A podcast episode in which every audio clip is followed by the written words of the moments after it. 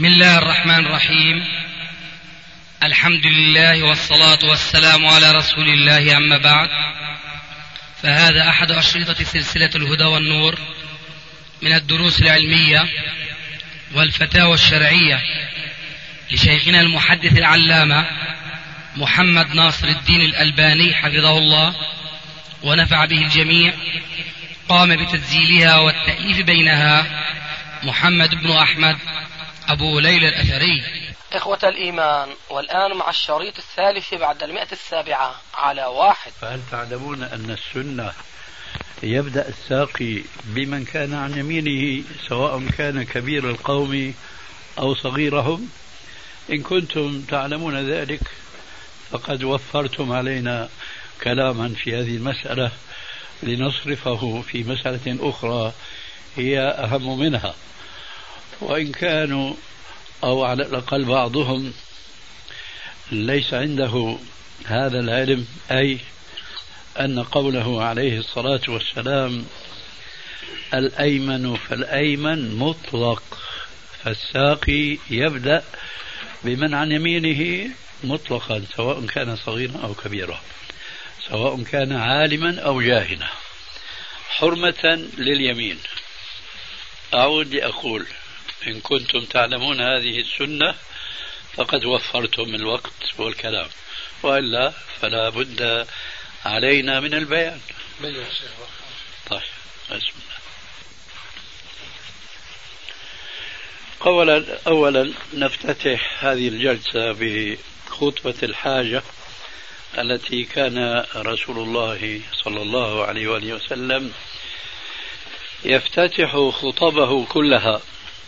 سواء ما كان منها خطبة الجمعة أو خطبة العيد أو خطبة نكاح أو خطبة تعليم أو خطبة موعظة أو أي شيء يستفيد الحاضرون من كلام الرسول عليه السلام ويرجو هو عليه الصلاة والسلام الذي يفتتح خطبته وكلامه بخطبة الحاجة أن تتحقق حاجته في قلوب السامعين. هي الحاجة أن يتعظوا وأن يتعلموا. ومعنى أن النبي صلى الله عليه وسلم كان يفتتح كلامه بخطبة الحاجة أي أنه يتوسل إلى الله تبارك وتعالى بذكره وبالدعاء والتضرع لديه أن يحقق حاجته من كلامه. ونحن معشر المسلمين والدعاة إلى رب العالمين آه، لا يمكن أن تتحقق حاجتهم في دعوتهم إلا إذا ساروا على خطى نبيهم. صلى الله عليه وآله وسلم في كل كبير وصغير ما استطاعوا إلى ذلك سبيلا. ومما لا شك فيه أن تلاوة خطبة الحاجة بين بين يدي الخطبة أو الموعظة أمر سهل سمح يستطيع كل خطيب أن يقدم هذه الخطبة بين يدي موعظته ودرسه ومحاضرته. لكن مع ذلك نجد أكثر لا أقول الدعاة ففي كثير من الدعاة من لا يصح أن يقال فيهم إنهم من الدعاة. بل أقول إن كثيرا من أهل العلم والفضل قد لا يفتتحون خطبتهم أي خطبة كان. خطبة الجمعة بصورة خاصة والخطب الأخرى بصورة عامة ما يفتتحونها إلا بافتتاحيات إما أن يحدثوها أو يبتدئوها هم وينشئونها من أنفسهم أو أن يأخذوها ممن تقدمهم وسبقهم إليها. أما خطبة الرسول عليه السلام فهم إليها لا يهتمون ولا يتعلمونها لكي يفتتحوا خطبهم. فأنا أقول اقتداء بالرسول عليه الصلاة والسلام إن الحمد لله نحمده ونستعينه ونستغفره ونعوذ بالله من شرور أنفسنا ومن سيئات أعمالنا. من يهده الله فلا مضل له ومن يضلل فلا هادي له. وأشهد أن لا إله إلا الله وحده لا شريك له وأشهد أن محمدا عبده ورسوله. يا أيها الذين آمنوا اتقوا الله حق تقاته ولا تموتن إلا وأنتم مسلمون. يا أيها الناس اتقوا ربكم الذي خلقكم من نفس واحدة وخلق منها زوجها وبث منهما رجالا كثيرا ونساء واتقوا الله الذي تساءلون به والأرحام إن الله كان عليكم رقيبا. يا أيها الذين آمنوا اتقوا الله وقولوا قولا سديدا يصلح لكم أعمالكم ويغفر لكم ذنوبكم ومن يطع الله ورسوله فقد فاز فوزا عظيما. إلى هنا تنتهي خطبة الحاجة. وقد كان عليه الصلاة والسلام يقتصر منها في بعض الأحيان على مقدمتها دون الآيات الثلاث. وكان يضم أحيانا إلى تمام هذه الخطبة أي بما فيها من ذكر الآيات الثلاث يقول أما بعد وخاصة يوم الجمعة فإن خير كلام كلام الله وخير الهدي هدي محمد صلى الله عليه وآله وسلم وشر الأمور محدثاتها وكل محدثة بدعة وكل بدعة ضلالة وكل ضلالة في النار كان عليه الصلاة والسلام يتبع خطبة الحاجة بمثل هذه الموعظة ترسيخا في الأذهان لقاعدة هامة جدا جدا ألا وهي كل بدعة ضلالة وكل ضلالة في النار. مع ذلك تجد كثيرا من خاصة الناس فضلا عن عامتهم آه، يصادمون هذا النص العام أو هذه القاعدة الهامة. كل بدعة ضلالة وكل ضلالة في النار يعارضونها بقولهم دون أي تورع منهم فيقولون لا ليس كل بدعة ضلالة. هناك كثير يقولون هكذا كثير من العلماء قسموا البدعة إلى خمسة أقسام. إذا هذا التقسيم ينافي تماما ويعارض هذه الكلية في هذا الحديث. كل بدعة ضلالة وكل ضلالة في النار. هم يقولون البدعة تنقسم إلى قسمين حسنة وسيئة. هذا التقسيم المجمل يضرب قول الرسول عليه السلام في الصدر كما يقال حيث يقول كل بدعة ضلالة وكل ضلالة في النار. يشبه هذا الضرب من أولئك الخلف لهذا الحديث الصحيح. الحديث يقول كله وهم يقولون لا البدعة قسمان حسنة وسيئة. ثم هذه القسمة وتلك تنقسم إلى خمسة أقسام أي تجري عليها الأحكام الخمسة.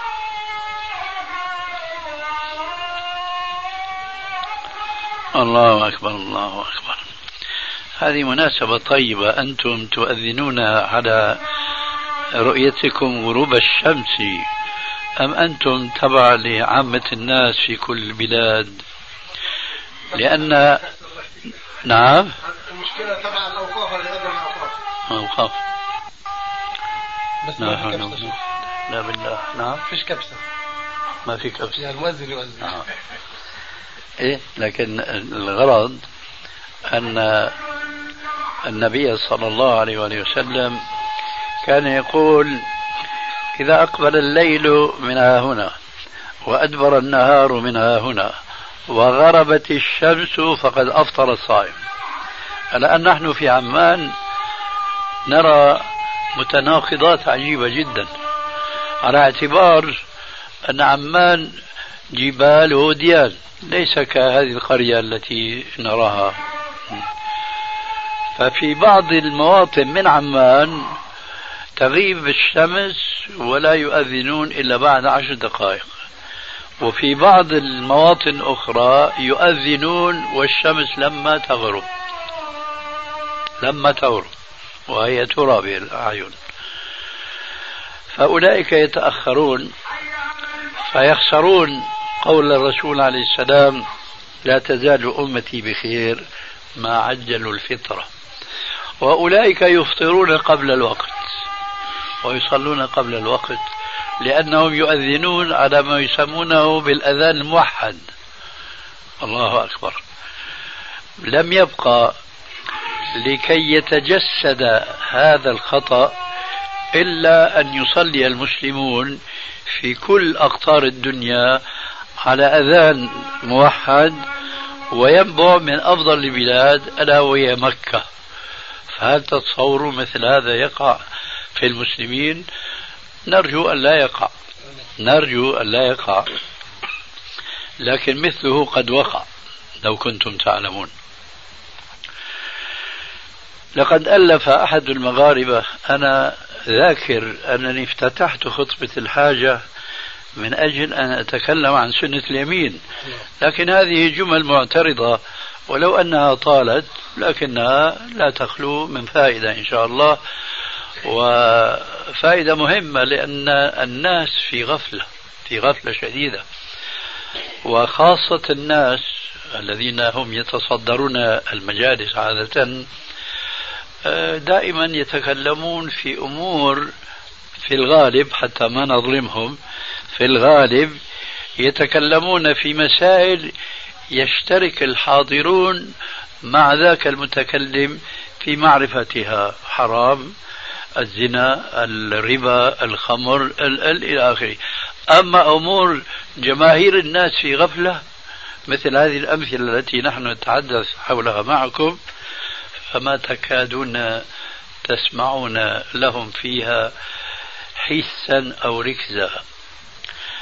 فأنا أقول أحد المغاربة ألف رسالة سماها الإقناع بصحة الصلاة وراء المذياع. المذياع أينما سمعته يكبر يؤذن فأنت إلى أخرى.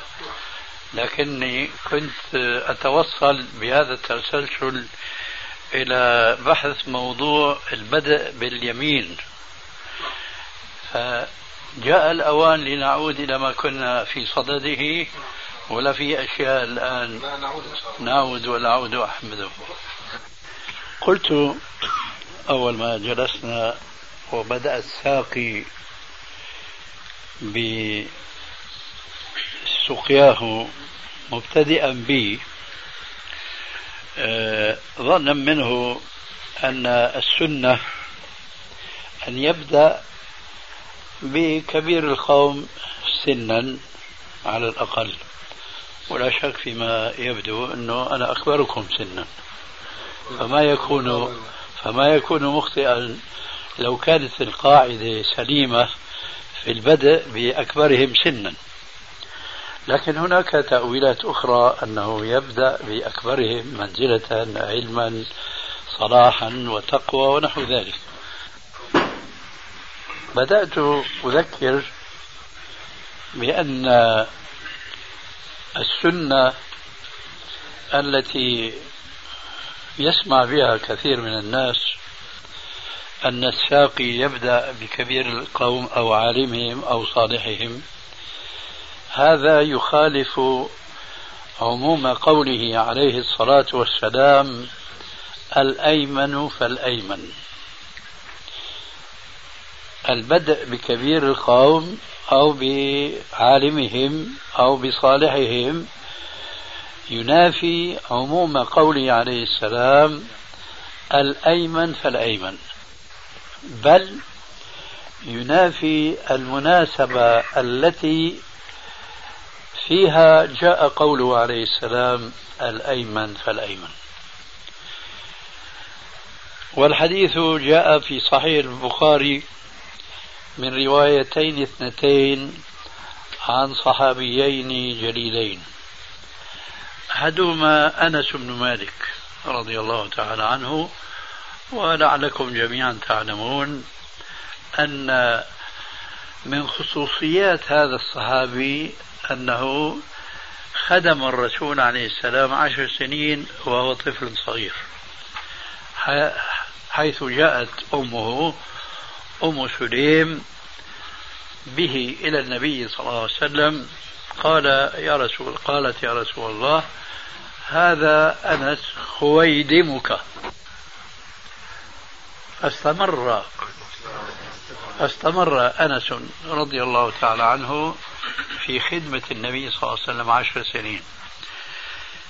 والغرض من هذه الترجمة الموجزة القصيرة أن تهتموا بأنه حينما يروي لنا قصة عنه صلى الله عليه وسلم وقعت بحضوره هو أولا وفي بيته حيث زارهم الرسول عليه السلام في بيتهم. قال أنس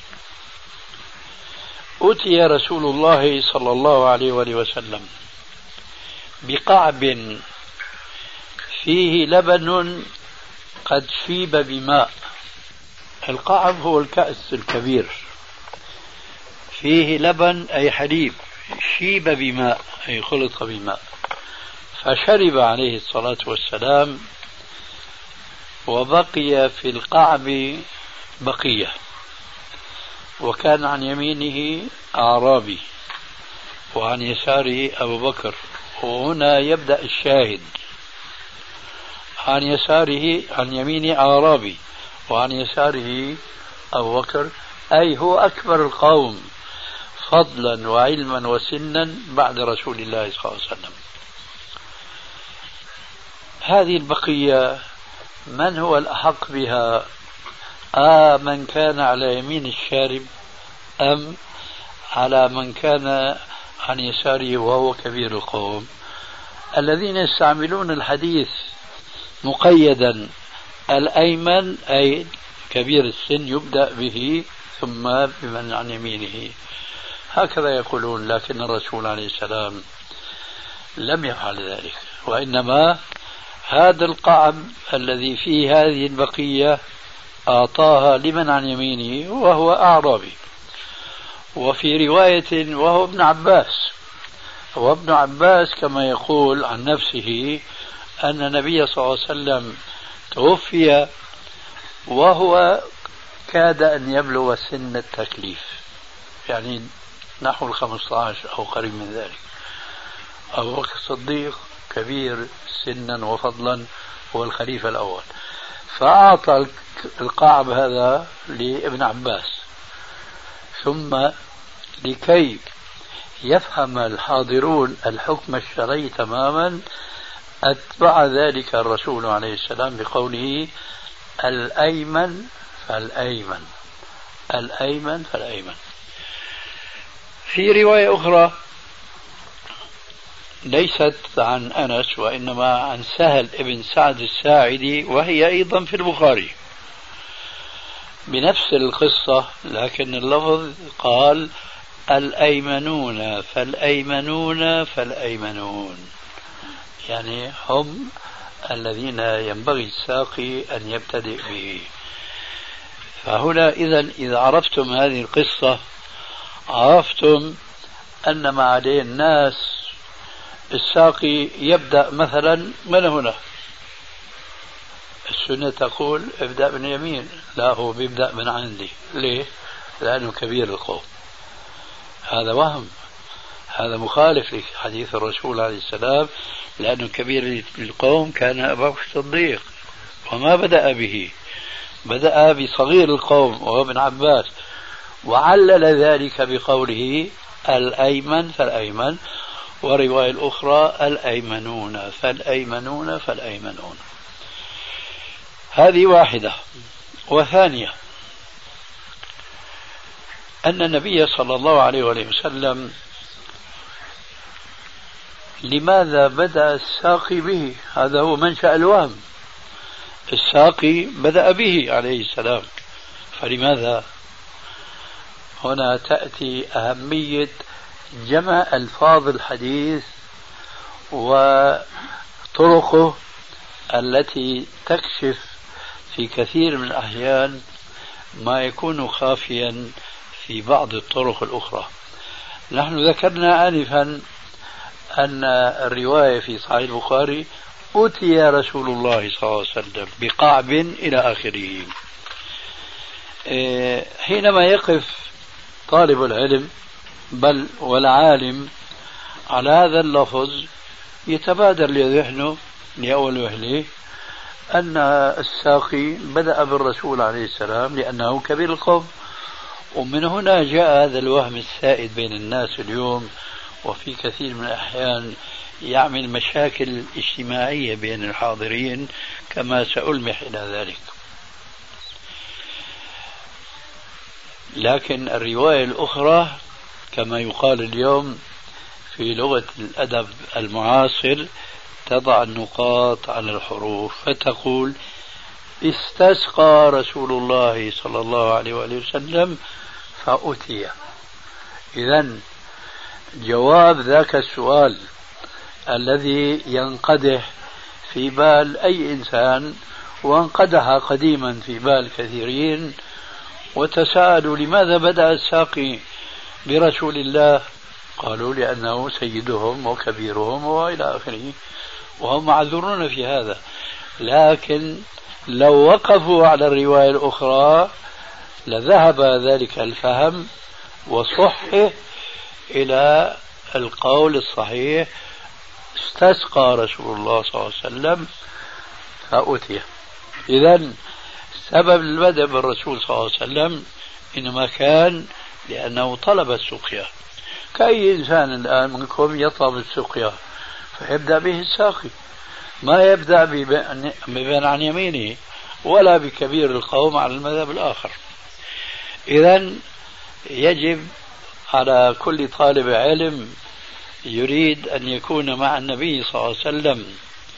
في حديثه أن يتذكر الرواية الأولى مضافا إليها الرواية الأخرى. أوتي رسول الله صلى الله عليه وسلم بقعب استسقى رسول الله صلى الله عليه وسلم فأتي حينئذ تكمل القضية ويفهم جواب سؤال لماذا بدأ الساقي؟ لأنه طلب الرسول عليه السلام. هذا ثانيا. وثالثا لم يكن من عادة الصحابة يومئذ وهم يعيشون كما تعلمون في حياة ضنك معيشة ضيقة. ما كان عندهم مثلا ما عندنا اليوم مما هو ميسر من شراب الشاي اللي ما يكلف كثيرا فيوزع على الحاضرين جميعا أو القهوة كما هو معروف إلى آخره. ما كان عندهم هذا الشيء لأن القهوة والشاي إنما آه، حدث بعد الرسول عليه السلام بزمان. فكان العربي يكرم ضيفه بما يستطيع على ما يتيسر وهناك قصص كثيرة وكثيرة جدا. لكن إذا كان هناك جمع وحضروا مع الرسول عليه السلام وأنس مالك وأمه ما عندهم إلا داج يعني عندهم آه، شاة حلوب ممكن يحلبوها في قعب ويخلطوها بشيء من الماء حتى يشرب الرسول عليه السلام. أما أن يسقوا الجميع الحاضرين ما كان عندهم هذه السعة في الرزق.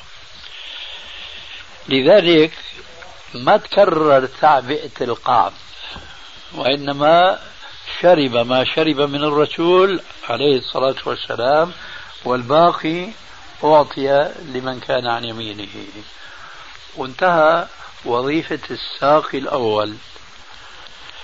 الآن لما الرسول صلى الله عليه وسلم شرب ثم أبقى سورة أي بقية ونظر يمينا ويسارا فآثر بهذا السور أي بهذه البقية ابن عباس.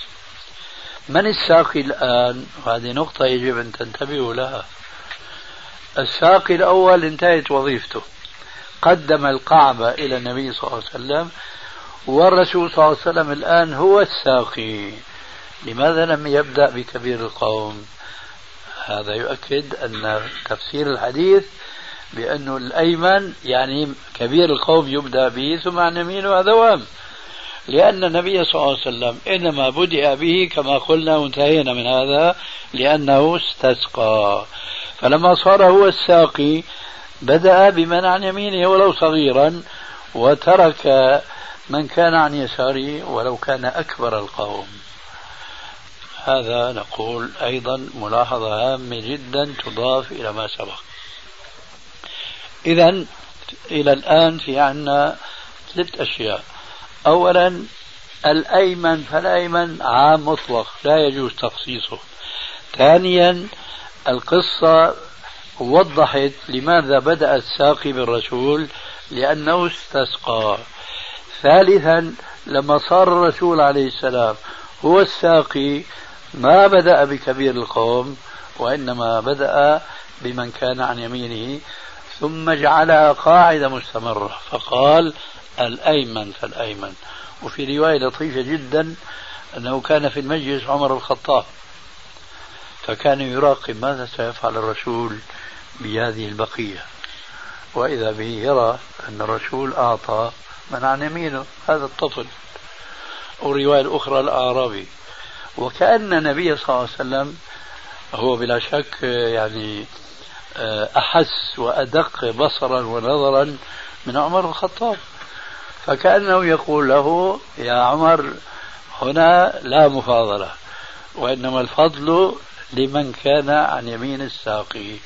الأيمن فالأيمن. هذا الشيء الثالث.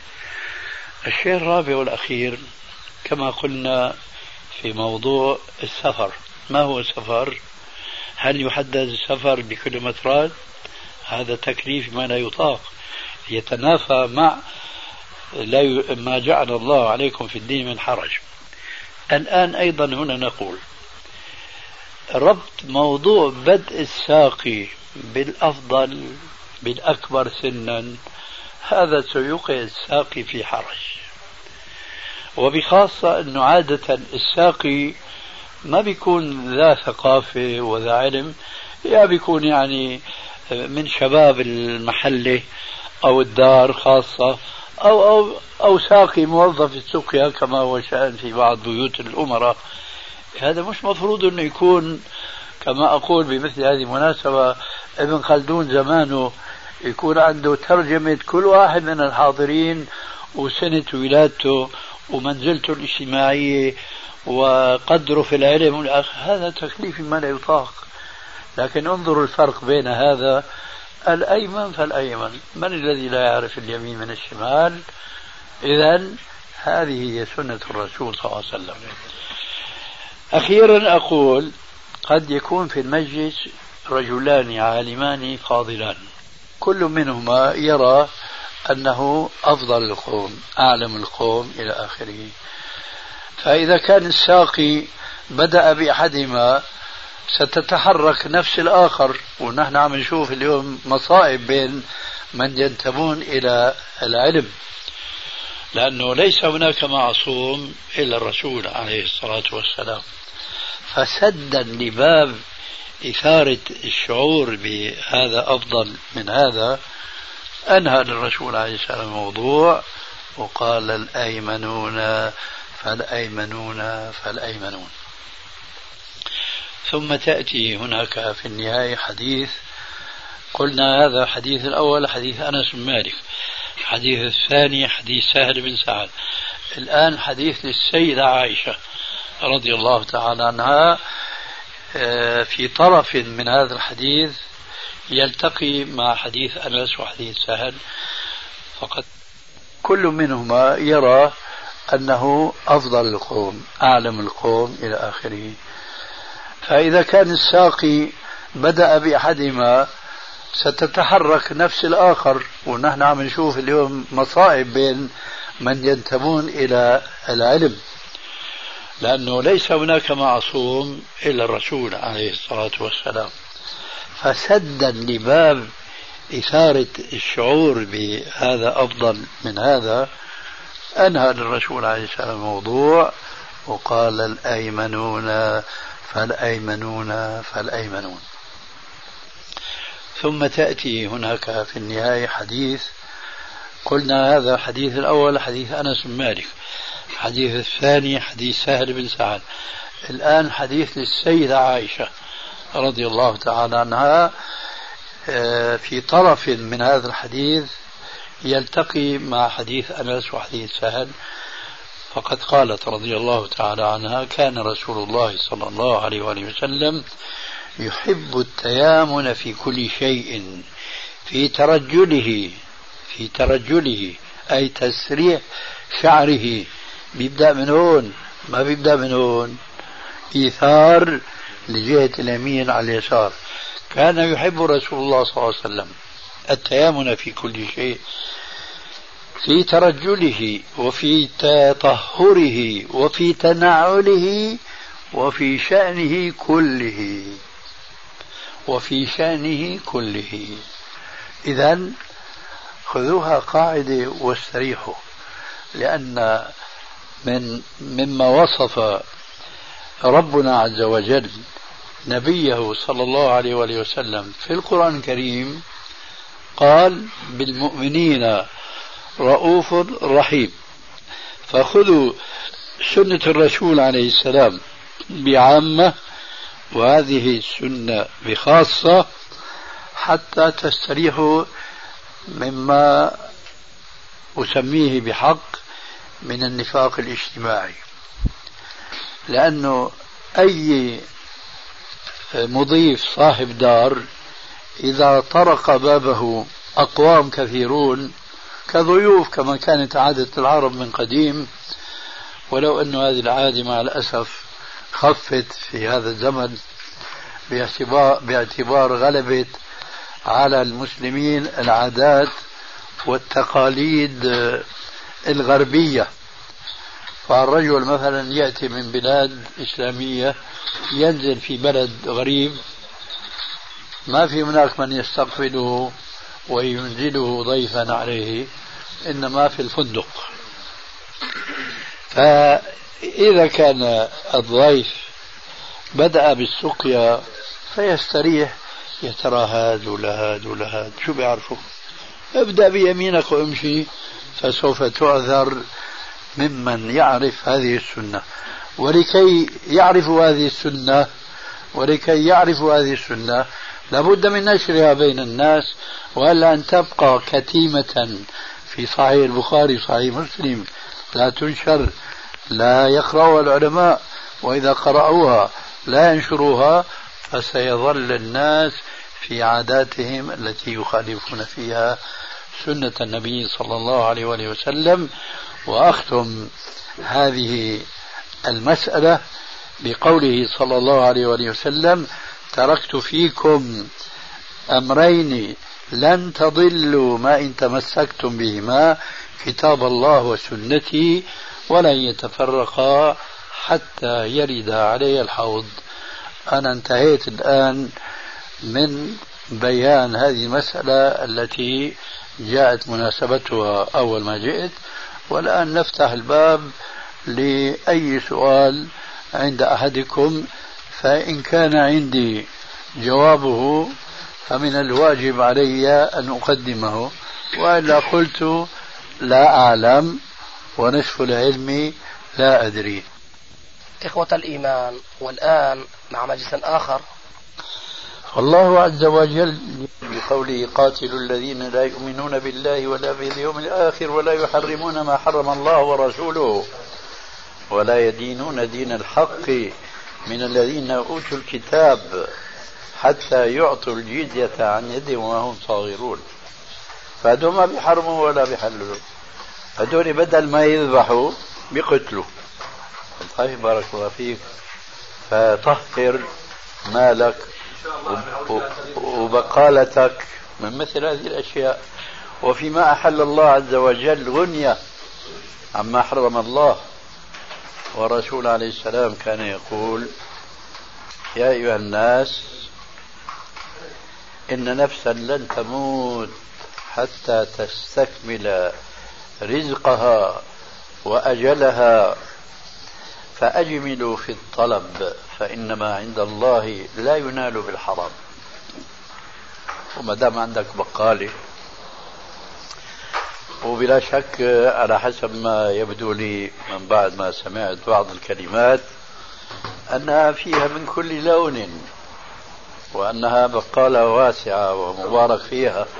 إذا استغني عن هذه المعلبات وفي ما بقي الخير والبركة إن شاء الله.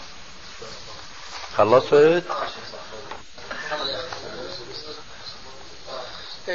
بالنسبة للحديث. عفوا. بدنا نكمل مشوارنا مع أبو المنذر. ما دام في عنده؟ هالاستجابة اللي بتشجعني على تكملة المشوار؟ ما هو هيك؟ وهل جزاء الإحسان إلا الإحسان؟ ماذا ستفعل بهذه المعلبات؟ والله عندي كمية كبيرة أنا. هذه حيدة. نعم. حيدة عن السؤال. ماذا ستفعل؟ والله السؤال عندك. الجواب عندك طبعا. جزاك الله خير. هذه يجب إراقتها. وماذا نقول؟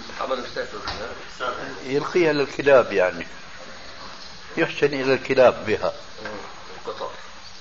والقطط لكن قطط بيكون رفعنا من شأن هذه اللحوم لا حول ولا قوة إلا بالله أنا أذكرك بأمر يهون عليك إن شاء الله إن شاء الله تلك الخسارة التي أنت ألمحت إليها آنفا بقولك أنه هي أشياء كثيرة. كان في الصحابة رجل يعرف بأبي طلحة من أفاضل الصحابة ومن كرامهم وإن مما يدل على ذلك أنه كان وصيا على أيتام.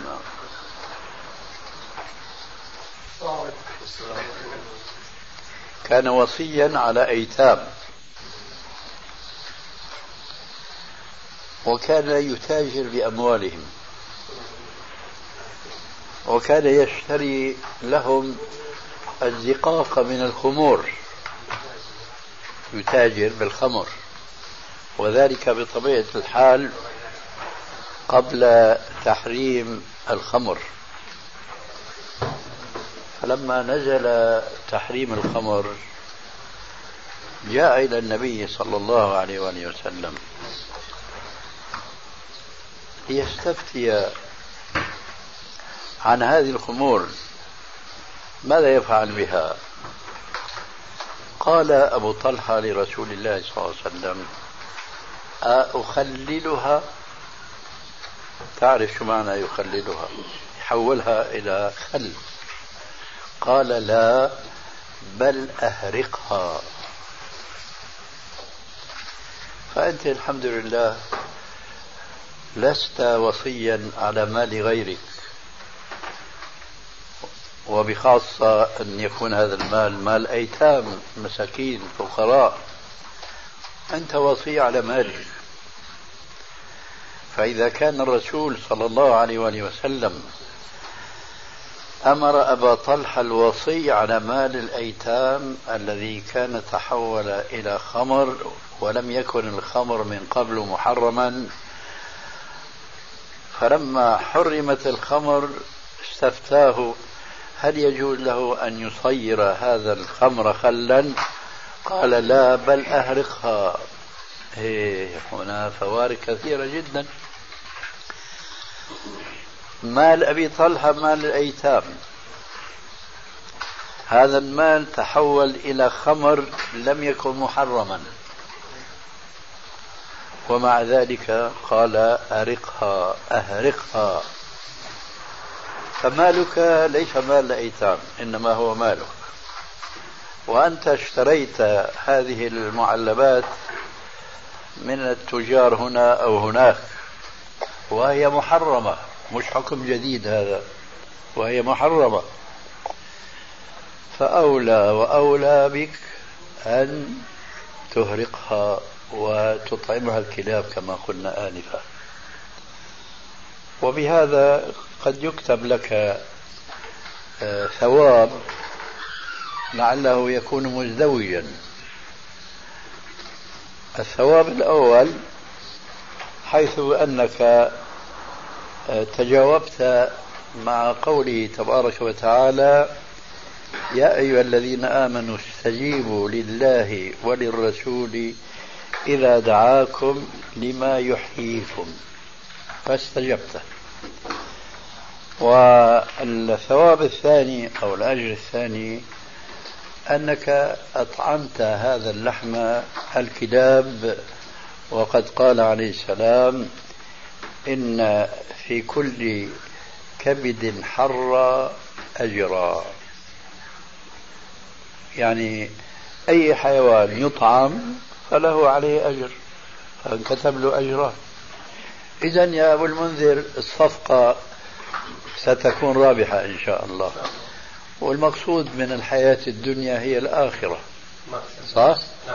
فإذا خسر الإنسان دنيا وربح بها آخرة يكون رابحا. إذا فأنت الرابح إن شاء الله. بس بقى الله يحيي الثابت إن شاء الله. طيب شيخنا يعني لو يعني بما أنه يعني هو إذا كان في نيته أنه يعني يطعمها لل خلينا نسمي الحيوانات يعني كلاب وغيرها. هل يجوز له مثلا إنه يبيعها على أساس إنها لحوم؟ يعني كما في بعض المحلات تباع لحوم خاصة للكلاب أو يعني للقطط أو ما شابه. فيسجل عليها مثلا أو يرسم يعني لا يجوز. ما يجوز. ما تنباع. إن الله إذا حرم أكل شيء حرم ثمنه. حتى لو كانت لغير البشر يعني ما هو يريد على الناس إن الله إذا حرم أكل شيء حرم ثمنه. خليك معي في الحديث وفكر معي.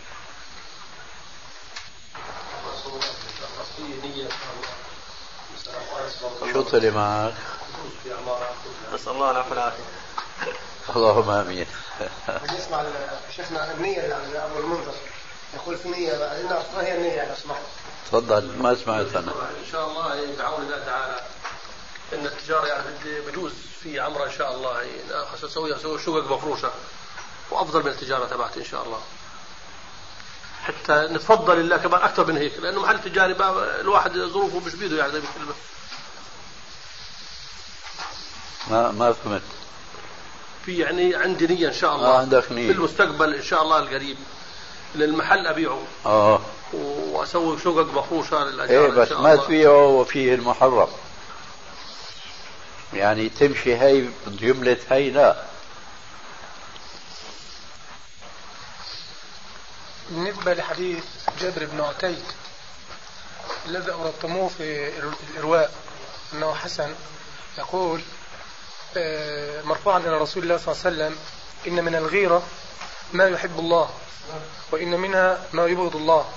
فأما ما يحب الله وإن من الخيلاء ما يحبه الله وإن منه ما ما يكره الله. وأما التي من الغيرة التي يحبها الله آه، فالغيرة في الريبة وأما ما يكره فالغيرة في غير الريبة. فالآن توضيح المعنى اللغوي في معنى الحديث نفسه حتى تعم الفائدة منه. جزاكم الله خيرا. ومنها ما يبغض الله وإن من الخيلاء ما يحب الله ومنها ما يبغض الله. فأما الغيرة التي يحبها الله فالغيرة في الريبة. وأما الغيرة التي يبغض الله فالغيرة في غير الريبة. وأما الخيلاء التي يحبها الله فاغتيال الرجل في القتال واغتياله عند الصدقة. وأما الخيلاء التي يبغض الله فاغتيال الرجل في البغي والفخر. فسؤالك الآن ما هو؟ يعني توضيح معنى الريبة وتفهيم ما معنى الغيرة بالنسبة للزوج مع شرط طيب. يقول عليه الصلاة والسلام إن من الغيرة ما يحب الله ومنها ما يبغض الله. فالغيرة غيرتان عند الله. إحداهما محبوبة والأخرى مبغوضة أو بغيضة. كذلك الخيلاء نوعان محبوبة عند الله وبغيضة عند الله. ثم يفسر الرسول عليه السلام المحبوب من المبغوض فيقول فأما الغيرة التي يحبها الله فالغيرة في الريبة أي الريبة هو الشك. يشك الإنسان في بعض أهله في بعض نسائه. في بعض زوجاته في بعض بناته. يشك لعلها تكلمت مع أحد كلام غير شرعي لعله أحد طرق بابها لعله ليس عند صاحب الريبة دليل وإنما لشدة الغيرة يتظنن لعله ولعله ولعله.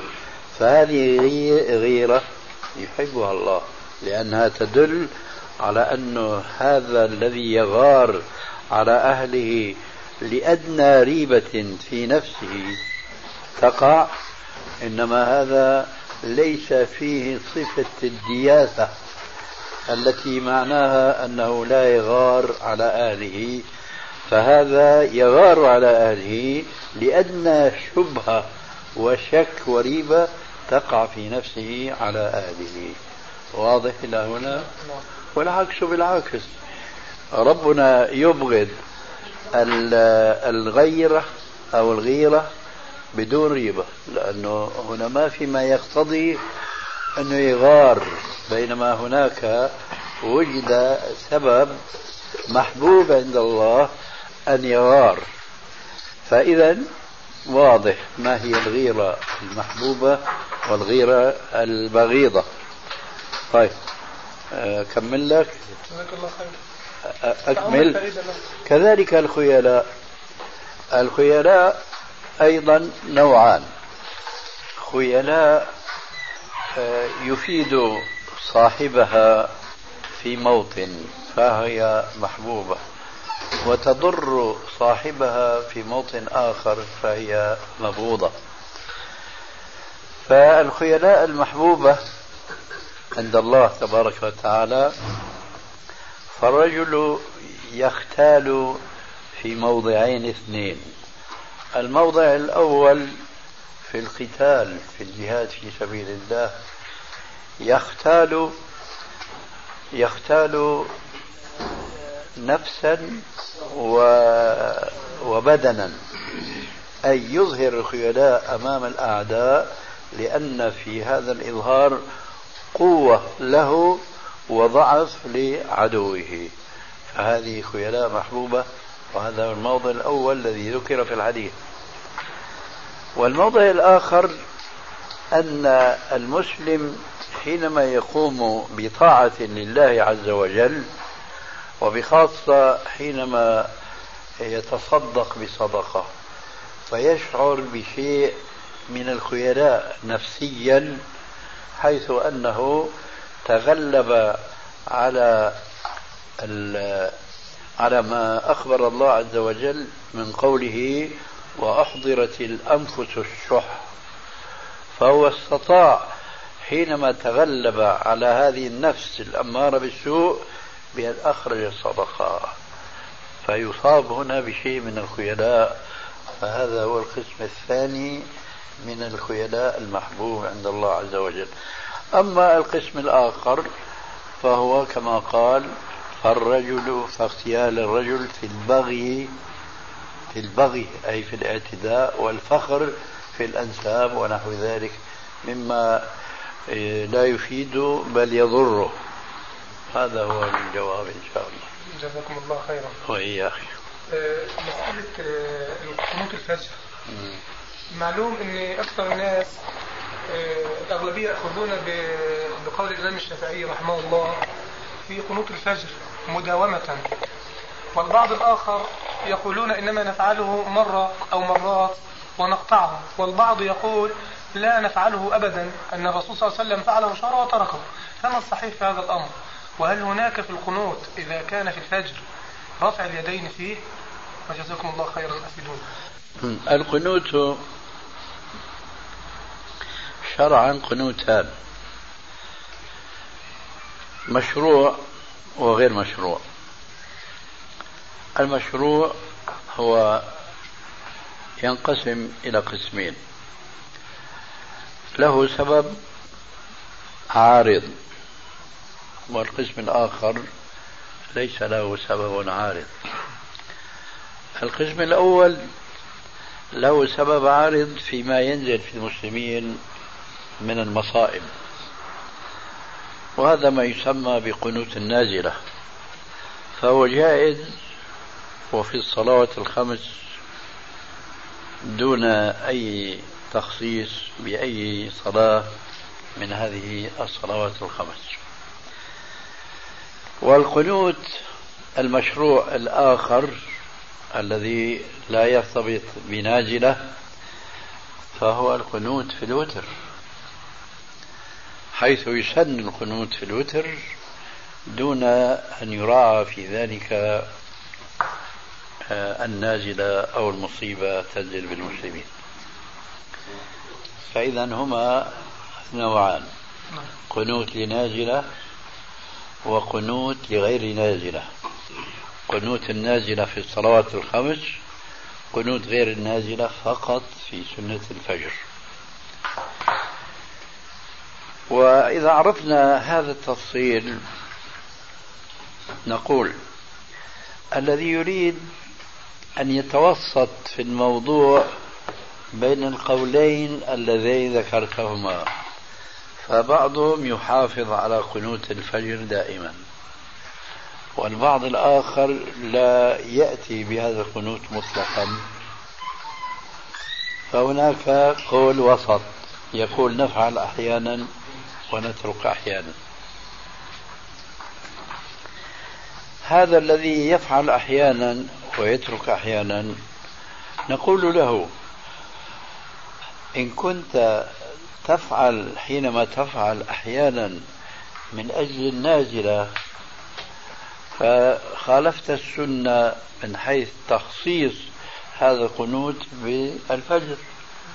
لأن القنوت في النازلة لا يختص بالفجر. فهلا عممت وقنت أحيانا في الفجر وأحيانا في الظهر وبقية الصلوات الخمس؟ وفي ظني أن مثل هذا القانت لا يقنت أحيانا وفي الصبح فقط للنازلة وإنما من باب, من باب إرضاء الفريقين. إيه هؤلاء بدهم قنوت هي قنتنا لكم. هؤلاء لا يريد قنوت هي ما قنتنا لكم. وهذا كما يقولون يعني يأخذ العصا في الوسط يرضي الفريقين ويتغلب عليهما معه فإذا هذا الذي يقنت في الفجر أحيانا نقول له إما أن تدع إذا كان قنوتك في الفجر ليس قنوت نازلة وإما أن تعمم إذا كان لنازلة بقية الصلوات الخمس. ومن هنا يظهر بأن الذي لا يقنت في صلاة الفجر هو الأحرى والأولى بالسنة الصحيحة. هذا ما لدي من الجواب عن هذا السؤال. بالنسبة لرفع اليدين في القنوت. آه. رفع اليدين في القنوت سواء كان قنوت وتر أو قنوت فجر وغيرها من الصلوات الخمس في النازلة يشرع رفع اليدين فيه. إذا قنت الإمام يرفع يديه ويرفع صوته بالدعاء ويؤمن من خلفه أيضا رافعين أيديهم. أحيانا آه، نصلي وراء مثل هؤلاء الناس الذين يقنطون مداومة. فيعني ترى أن بعض الإخوة لا يرفعون أيديهم ولا يؤمنون وراءهم. فما حكم ذلك؟ هذا طبعا لا يجوز لأنه يخالف قوله عليه السلام كما نذكر دائما وأبدا إنما جعل الإمام ليؤتم به فلا تختلفوا عليه. فينبغي متابعة الإمام في مثل هذه المسائل الخلافية بين العلماء قديما فضلا عن ذلك حديثا. فيتابع هذا الإمام ولو كان المتابع لا يرى شرعية ذلك فيما لو صلى لنفسه. هذا هو الجواب جزاكم الله خير وإياك. إيه، السؤال الثاني وثالث ورابع. جزاك الله خير وإياك. إيه، من المعلوم أن حديث وفد نجران عندما جاءوا لرسول الله صلى الله عليه وسلم وطلب منهم عندما أنزل الله سبحانه وتعالى فإن حاجوك آه، فقل تعالى وندعو أبناء الآية فدعاهم إلى المباهلة فرفضوا. فالمعلوم عندنا أن المباهلة لا تكون إلا في أمور العقيدة. ولكن بعض الناس من المسلمين يقول يمكن سحب هذا الحكم لأمر دنيوي بيني وبين أخي المسلم بمعنى أنه إذا كان على أخي المسلم مال لي فأنكره. فهل يجوز سحب هذا الحكم أي المباهلة على الأمر الدنيوي بيني وبين أخي المسلم في حقوق الدنيوية؟ هذا السؤال اللي بيسأل عن مثلي أبو ليلى لكن أبو ليلى الآن مو معنا. هذا؟ السؤال أنا معاه شيخنا أعيده لا ما بيطلع بيدك تعيده. إن شاء الله الله بيخطئ أني وبيصوبك أنت. نعم يا شيخنا نعم تفضل. ذكر الأخ أن عن النبي صلى الله عليه وسلم لما جاء لأهل نجران. أي نعم وبدأ منهم مباهلة فهنا بقول هل يجوز إنه الأخ من شأن مسألة دنيوية إنه يتباهل هو اياه عم باختصار شيخنا باختصار طيب. نعم معلش منيحة. يعني تحفظ جيد. آه كويس. نرضى نرضى منه الكلام هذا. إيه. ما هذا اعطيناك جواب. إيه. وأنا راح أقول لك بكل صراحة كما علمنا نحن بعض إخواننا أنه يقول ما أقول أنا قول يا أخي أخطأت. يقول أخطأت. وراحت القضية فأنا بقول عن نفسي أخطأت. ولو أنك أنت اختصرت الجواب وأصبت لكن سبب خطأي أنا هو أنت. تدري لما؟ في ليس هذا فقط. وهذا الجواب مثل ذاك الجواب يعني في اختصار. السبب أنك أنت دائما توصي إخواننا بأنه يقدموا أسئلة جديدة ما تكون متكررة. وهذا السؤال لأول مرة يطرح. فكان لازم تطير أنت فرحا. وتقول مدد مدد يا سيدي أحمد. مدد يا ف... فما شفتك تحركت بنوم. هذا هو.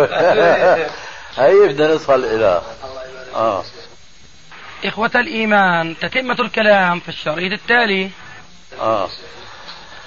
أقول بارك الله فيك في الجواب عن هذا السؤال هو أنه لا يجوز سحب هذه الواقعة أو هذا الحكم الشرعي إلى الأمور المادية لسببين اثنين أولا لأن القصة جاءت في الأمور العقدية كما يقولون اليوم. وثانيا لأن الأمور المادية جعل لها الإسلام نظاما وقاعدة فقال البينة على المدعي واليمين على المنكر. فتحل القضية المادية بهالقاعدة الشرعية. فلم يبقى هناك مجال للجئ إلى المباهلة التي شرعها الله